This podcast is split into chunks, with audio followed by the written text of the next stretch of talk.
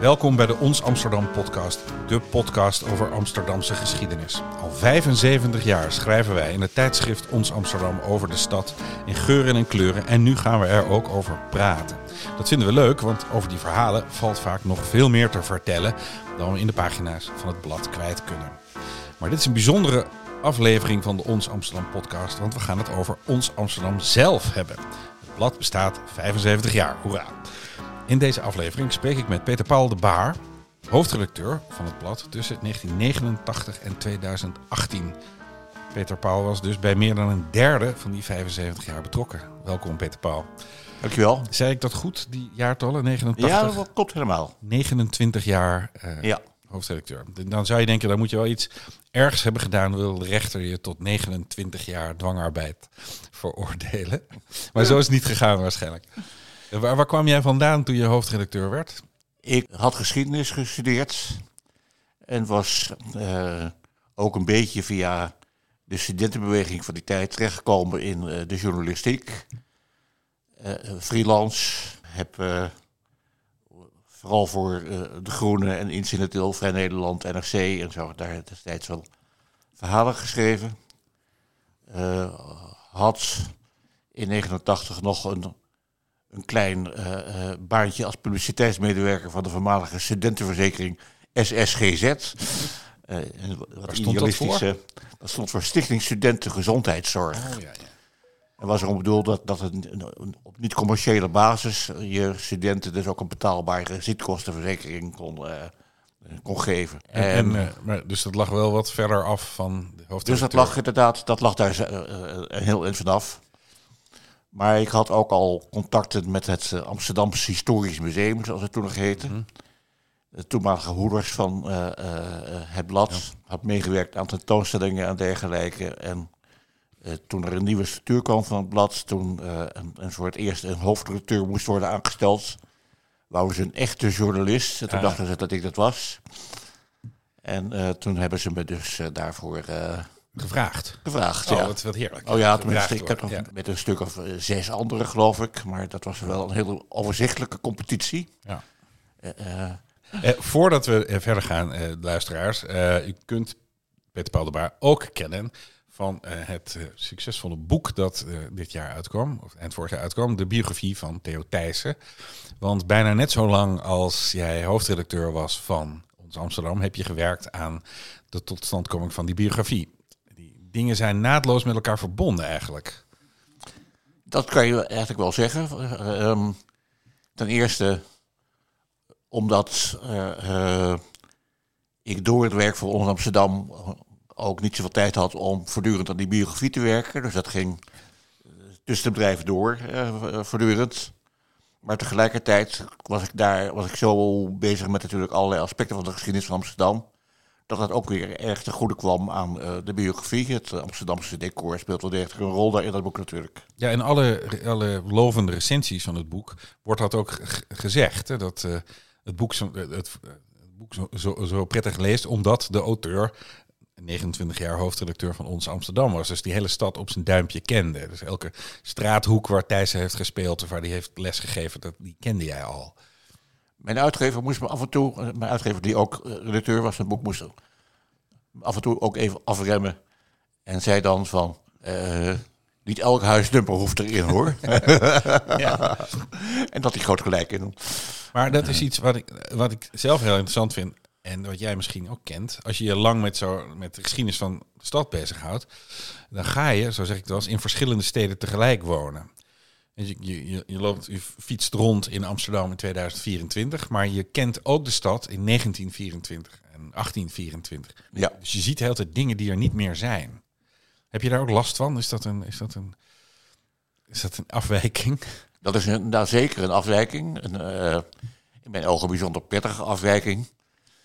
En, en uh, dat is ook wat we als ons Amsterdam in al die tijd natuurlijk hebben proberen over te dragen op uh, op de lezers, uh, dat die uh, zelf ook uh, door een historisch gelaagde stad lopen. En dat ze op allerlei plekken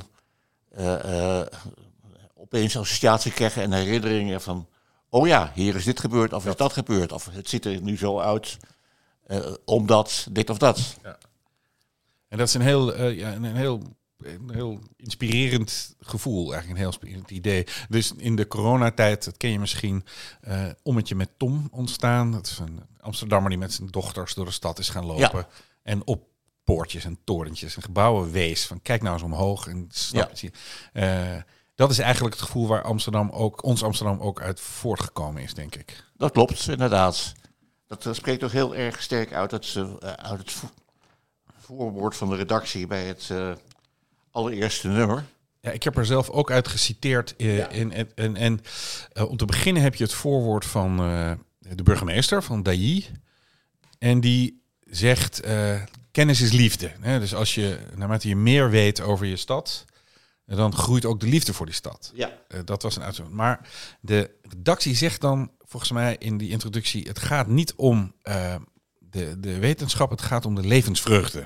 En ik heb de indruk dat dat jaartal, 1949, dan ook wel echt belangrijk is. Hè? Toen dat mensen moesten eigenlijk opnieuw kennis maken met hun eigen stad.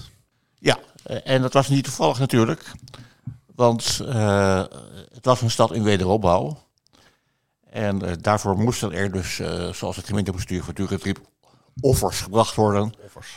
We moesten rekening mee houden dat de lonen niet meteen zo omhoog konden. En dat je een tijd lang in de, door een puinzooi liep. eh, die stad zou zijn vol- herstelwerkzaamheden. En, eh, en om te zorgen dat eh, de Amsterdammers niet al te chagrijnig zouden worden in dat opzicht. Ja. was er veel aan gelegen om de liefde voor de stad dus te bevorderen. Want als je, het, het voert misschien wat ver, maar in Rotterdam had te kampen met enorme oorlogsschade.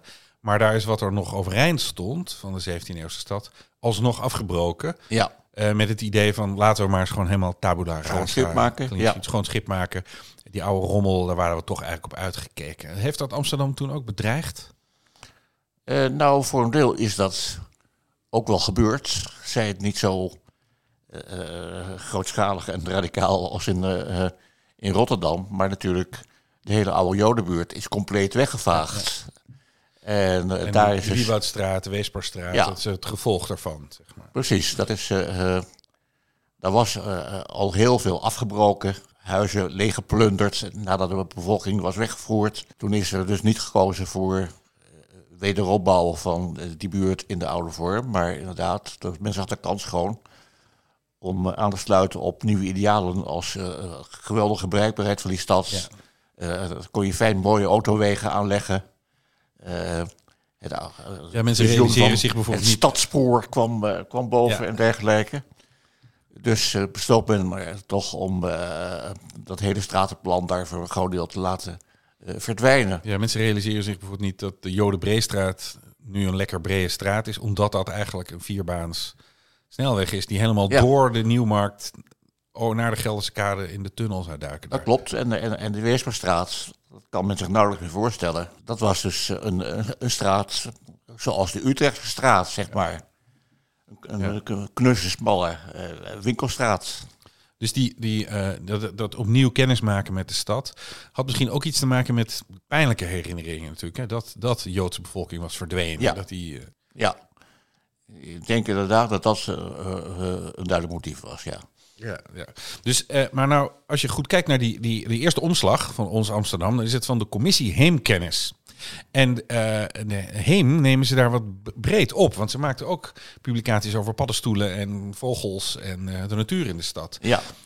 Ook dat is een beetje een woord Heemkennis wat je niet meteen weer zou gebruiken tegenwoordig. Hè? Nee, dat is waar. En eigenlijk vind ik het misschien ook wel een beetje jammer dat dat onderdeel van de heemkennis eh, wat eh, eh, verloren is gegaan. Ik heb het ook zelf geprobeerd er een klein beetje terug te brengen door ook artikelen over bomen in Amsterdam en De flora en fauna van de stad. flora en fauna precies. Met zo'n leuk boek Haring in het ei. Dat- ja, dat- ja, ja, om dat af en toe ook weer eens naar, naar, naar boven te halen. ja. Want dat hoort natuurlijk ook heel erg bij, bij het leefmilieu. Ja, en bij het hele begrip van de stad. Van Ja. alles waar je, en die, die eerste redacties, de commissie Heemkennis, heb jij daar nog mensen van gekend? ooit? Kan je, jouw voorgangers? Nou, niet de allereerste eh, redactie. Nee, dat niet meer. De allerbelangrijkste daarvan was Henk van Laar, een oud voorman van de uh, Arbeidersjeugdcentrale, de AJC, de Socialistische Jeugdbeweging. En die daar ook de grote natuurkenner uh, was. En later ook nog leider van het VARA kinderkoor De Roodborsters. Oh, gelukkig. Ja, ja. maar dat terzijde. en dat was een hele gedreven man. die overigens ook bevriend was met Theo Thijssen. Dus ook in mijn boek komt hij weer voor. Ja, natuurlijk, ja die heeft dus echt zijn schouders er vooral onder gezet in dat, dat eerste decennia. Maar hij is in 1955 overleden, dus die heb ik uh, niet meer meegemaakt. En het blad was toen veel groter, uh, het ja. aantal abonnees. Inderdaad, het is uh, jou dat niet voor mogelijk, maar don't rub it in. Maar toch, in 1973 hebben we even 31.000 abonnees gehad. Maar toen was het, geloof ik, ook het blad dat alle gemeenteambtenaren toegestuurd kregen. Ja, dat is, nee, dat is, dat is ook niet zo. Oh, dat is niet zo.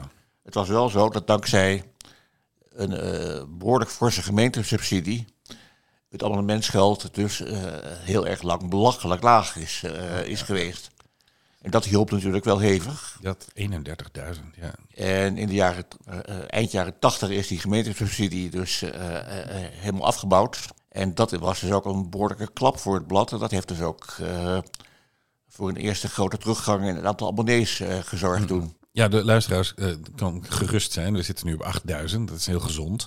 Uh, maar het is wel inderdaad opvallend dat je 30, 40 jaar geleden nog dat soort getallen had voor zo'n tijdschrift. En nog even over dat, dat tijdschrift daarvoor, van die commissie Heemkennis. Als je dat nu leest, dan is dat.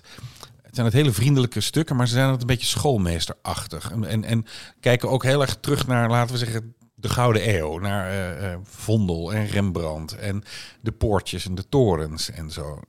Ja, inderdaad. Het was, het was behoorlijk braaf en belegen in uh, onze ogen. En ze hebben in de jaren 50 wel even gepoogd om de moderne tijd meer te laten doorklinken. Eh, het aantal pagina's mocht worden uitgebreid, maar dan zou er dus ook veel meer aandacht moeten komen voor wat de gemeentediensten dan deden. Oh, gezellig. Ja. En, dat wil natuurlijk iedereen weten. Ja. En dat leidde er weer toe dat er eh, weliswaar stukken waren die over uh, recente geschiedenis en toekomst gingen. Maar dan ging het dus over de aanleg van de, de Eitunnel en van de Koentunnel. En van die plannen met de, de, de, de Weesperstraat en de Wieboudstraat. En dat met, geschreven door de ingenieurs van de betreffende gemeentediensten. Ja. Met allemaal technische tekeningen er ook bij om te laten zien hoe ze dat allemaal gingen doen. We hadden nog geen lezersonderzoeken destijds, maar ik vreesde dat de aantrekkelijkheid van het blad die periode niet helemaal heeft bevorderd. Ja, ja, dat is dus gemeentevoorlichting. Dat is altijd een beetje de dood in de pot. Ja, ja, ja dat is jammer. Dus eigenlijk was het niet een historisch tijdschrift. In de zin, niet, niet, niet een academisch tijdschrift, maar het deed niet aan geschiedschrijving, zou je kunnen zeggen. Nee, nee, nee. Het was uh, veel persoonlijke herinneringen van, uh, van oude Amsterdammers. Die nog eens een keer hun oude buurt beschreven. het waren ook vrij specialistische stukken van meestal amateurhistorici over bepaalde aspecten van de geschiedenis. Gevelstenen. Uh, zoals gevelstenen, inderdaad. Oude winkels, uh, ja. ja. dat soort dingen. Ja. En uh, daar kwam eigenlijk pas duidelijk verandering in halverwege nou, eind jaren 70, begin jaren 80 toen er een nieuwe generatie uh, redacteuren aantrad. Het was steeds een collectieve redactie, onbetaald in die periode van, van zo'n uh, vier, vijf mensen die in dienst waren van gemeentelijke instellingen als musea, stadsherstel, et cetera. En toen kreeg je dus ook academische jongere historici als Michiel Jonker, kunsthistoricus Boudewijn Bakker, idem dito. En sociaal historicus Herman Diederiks, sociaal geograaf Michiel Wagenaar. En dat waren mensen die zich inderdaad op veel wetenschappelijke manier met die geschiedenis bezig hielden. En die ook nieuwe accenten legden, die inderdaad ook het sociale geschiedenis van Amsterdam dus aanzienlijk meer naar boven haalden dan de dag toen het dan toen gebruikelijk was. En dat heb jij denk ik, dus toen jij hoofdredacteur werd, gewoon ook veel verder gebracht. Want dat was ja, ook een maar beetje... ja, toen ik aantrad, toen heb ik eigenlijk in een van mijn eerste notities geschreven dat ik die, die lijn wilde uh, uh, voortzetten. Maar dat ik tegelijkertijd ook graag uh, die herinneringen van die oude Amsterdammers en dergelijke de, erin wilde houden. Omdat het inderdaad ook gewoon waardevol materiaal is en smakelijk leesvoer. Dat. En, en, en hoe denk je dan over nostalgie? En nostalgie, daar is niks tegen. als je maar beseft dat het natuurlijk dreigt af en toe het waarheidsgetrouwe beeld enigszins te verstoren. Dat het iets te sprookjesachtig kan uitvallen. Ja. Maar natuurlijk, het is uh, bepaald niet, niet verboden, in tegendeel, om uh, mooie herinneringen te hebben aan het Amsterdam wat er was. Ja, dat is het, misschien wel aardig om te vertellen dat uh, wij natuurlijk nog steeds die lijn volgen. En dat we ook vinden dat, dat wat wij onbeleefd noemen de amateurs onder de historici in de stad, die komen met allerlei materiaal naar ons toe. Die hebben de geschiedenis van hun huis uitgezocht of de koffer van opa toch maar eens opengemaakt en zo. En dat levert vaak heel goed materiaal op. Terwijl mensen zelf denken dat het wel gewoon heel erg particulier is of heel persoonlijk. Maar vaak eh, kun je daar een veel breder verhaal mee vertellen. En, dat, uh, en daarmee betrek je natuurlijk ook de Amsterdammer bij zijn eigen geschiedenis. Ja, wat ik bijvoorbeeld eh, heel erg mooi vond, dat was laatst jullie special over Betondorp. Waarin dus ook hele mooie herinneringen waren genoteerd aan, van die bewoners van Betondorp. En iets wat nu ook veranderd is in de loop van de tijd, is de manier van schrijven. Ja, dat mag je wel zeggen. Je kan wel merken dat er in de, de jaren 50 nog weinig mensen tv hadden. En een zee van tijd. Want die artikelen in ons Amsterdam, die waren soms 9 à 10 pagina's lang. Ja. En uh, ze begonnen zonder intro. Je viel plomp dus midden in de tekst. En uh, de nummers hadden ook geen inhoudsopgave destijds nog. Dat vond men maar overbodig. Je, ging, je pakte het blad, kreeg je binnen, haalde het uit het uh, wikkel. Ging onder de schemerlamp zitten. En dan las je hem helemaal En dan las je het gewoon van voor tot achter. Las je het uit. En dan merkte je wel wat je tegenkwam langzamerhand. In de jaren zeventig kwam er als vernieuwing al een soort redactioneel voorwoord. Een beetje neuzelig geschreven van... Onze vaste medewerker Huppelsbup voert ons mee door... uh, uh, enzovoort, enzovoort. en dat heb ik pas in, in 89, toen ik dat aantrad... heb ik dus voor het eerst bij het blad van voorzien van een inhoudsopgave... Ja. en het fenomeen van de intro ingevoerd, inderdaad. En maar, veel sterker nadruk op van illustraties. En veel sterker nadruk op de illustraties. Eh, professionele fotografen er, erbij gehaald. Tot dan toe werden alle foto's gemaakt door een reproductiefotograaf van de stadsdrukkerij. Die daar even nog op uit werd gestuurd als er echt noodzakelijk iets van een plaatje nodig was. En, uh, en toen is het echt het kleurrijke, diverse, leuke tijdschrift geworden. Dat heel veel mensen nog kennen. Ja, dus de, de stijl werd veel uh, journalistieker. Het fenomeen interview uh, deed zijn intrede in het blad. En ik geloof dat het daar dat wel tot een bepaald een levendiging heeft bijgedragen. Dat geloof ik ook, ja. Dat is en en uh, toen had je dus veel meer lezers. Uh, kwam je die wel eens tegen? Ont, uh, ontmoette je ze? Ja, ja, ja zeker, inderdaad. Het, je hebt bijvoorbeeld het Groot Amsterdam Examen bedacht. Ooit. Groot... ja, daarmee heb ik overigens een traditie uit de jaren zestig weer tot leven gebracht. Want Jan Weggelaar had het al een aantal keer gedaan voor leerlingen van middelbare scholen. En dan heette het nog toernooi. Maar dan werd je dus ook met, uh, met bussen vanuit school werd je dan naar uh, uh, de Rij geloof ik gebracht. En dan mochten ze allemaal dus Amsterdam examen oh, doen. dat goed zeg. ja, daar bouwen nou, wij ook op voort, hè, met, ja. met de grote Amsterdam quiz. Dus ter gelegenheid van ons 50, 50 jaar bestaan vond ik het wel leuk in 1999 om die traditie weer eens terug te brengen. En ik ben erg blij dat ze ons Amsterdam dat weer heeft opgepakt. Ja, ik was daarbij in 1999 en uh, toen zag je dat dat was in uh, de Lutherskerk op het Spui. Ja.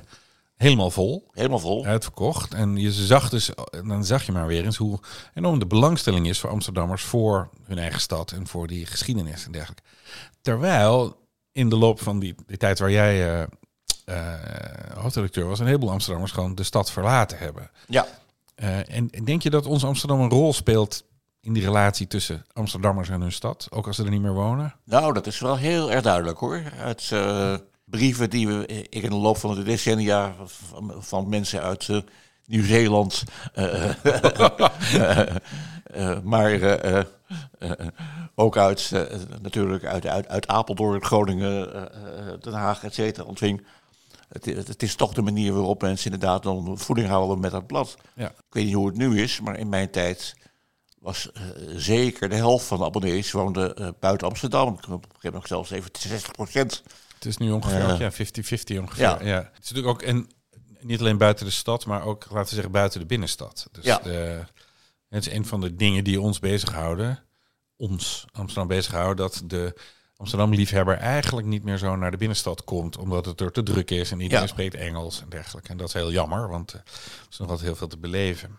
Ik Wat ik ook heel leuk vond was, eh, we hebben een aantal jaren lang eh stadswandelingen gepubliceerd in het blad. Per buurt. Dan ver- verwijzend naar allerlei plekken uit he- heden, verleden en eh toekomstplannen. En dan- zag je dus ook je abonnees door de stad banjeren op een zondagochtend met dat blad in hun hand. En dan samen eh, naar boven wijzend eh, naar de geuveltjes, et Hier is cetera. het. Ja, Ja, inderdaad. ja, ik ken dat. Nou, dat deed me goed. Ja. Ja, en nog even, nog even terug naar die, die geschiedschrijving. Dus eh, je zegt net, een deel van het blad is wat de lezers interessant vinden en, en voedt ook hun nostalgie, dergelijke. Maar aan de andere kant kwam er dus een heel peloton serieuze wetenschappers aan dat voor het blad is gaan schrijven.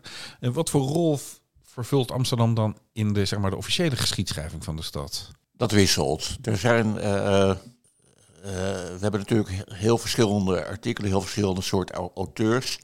Je hebt eh, eh, artikelen die gebaseerd zijn op, eh, op proefschriften die net verschenen zijn, of doctoraalscripties, uh, et cetera. Je hebt ook artikelen die eh, uitgaan van een, een speciale interesse van de redactie naar een bepaald fenomeen. En waar je dan een, een geoefend journalist opzet die knap is in het snel bij, bij elkaar halen van, uh, van materiaal. Sommige artikelen die zijn, denk ik, die hebben zeker bijgedragen aan de kennis van de geschiedenis van de stad. Wat was voor jou eigenlijk zeg maar, de belangrijkste belangstelling? Wat, wat wil jij in dat blad brengen? Ik vond dat inderdaad die sociale geschiedenis wel sterk verwaarloosd was. Uh, tot dat moment. Het, het, kwam dus wel op, maar het was. Uh, en dan bedoel je uh, de het geschiedenis van, noem maar wat, arbeidersemancipatie? Of, uh... Ja, ja, ja, precies, zeker, inderdaad. En, en de, de rol van de vrouw in de geschiedenis, om er iets -hmm. te noemen.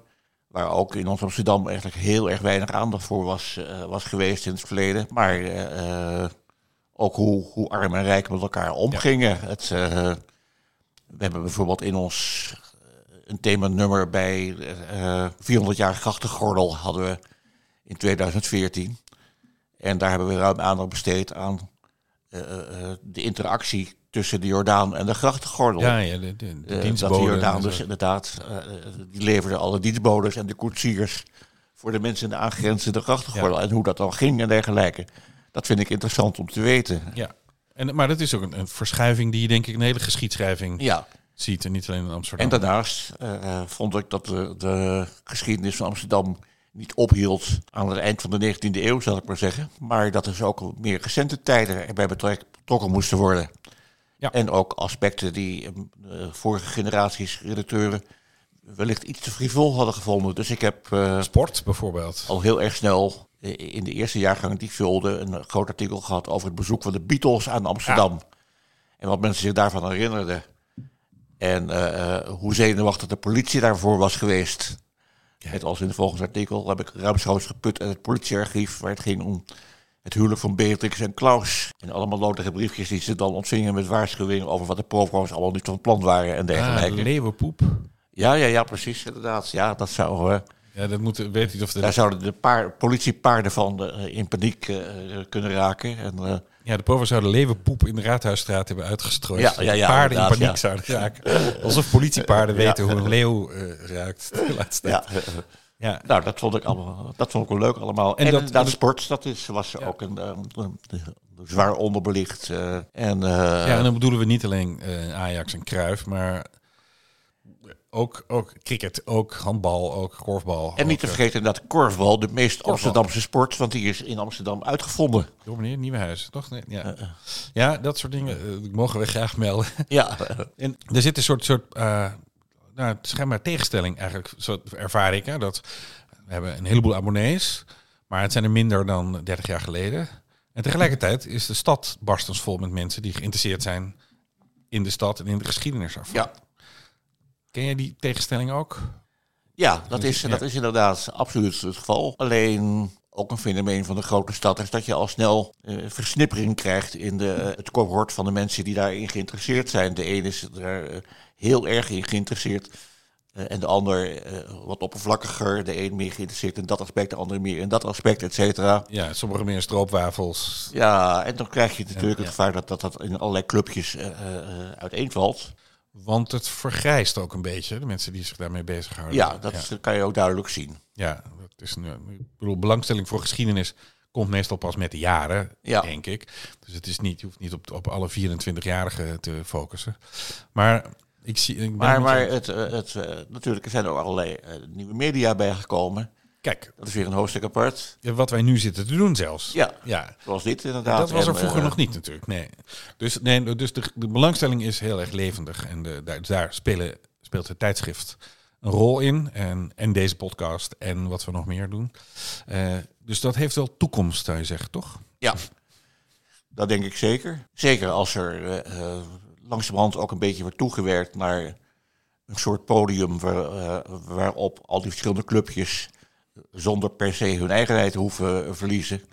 Dus hun, eh, hun stem kunnen laten, een laten soort, horen. soort, soort pro, eh, het? protestantse kerk in Nederland. Ja. Dat is een soort koepelorganisatie. Iedereen bij, ja, daar streven wij ook naar. Daar proberen we aan eh, mee te doen.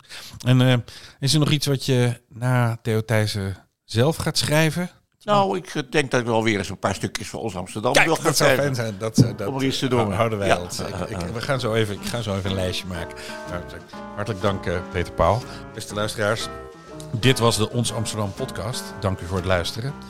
Ons Amsterdam markeert dit jaar het 75-jaar bestaan met allerlei leuke uitjes en presentaties. En na de zomer komt de Grote Amsterdam Quiz weer. En dat is meteen het begin van de feestelijkheden rond het 750-jarig jubileum van onze stad.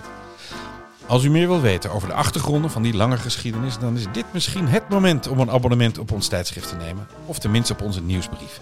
U vindt dat allemaal op www.onsamsterdam.nl. Deze aflevering maakte ik samen met René Karsten en de muziek werd gemaakt door Sjaak Dauma. Tot de volgende keer.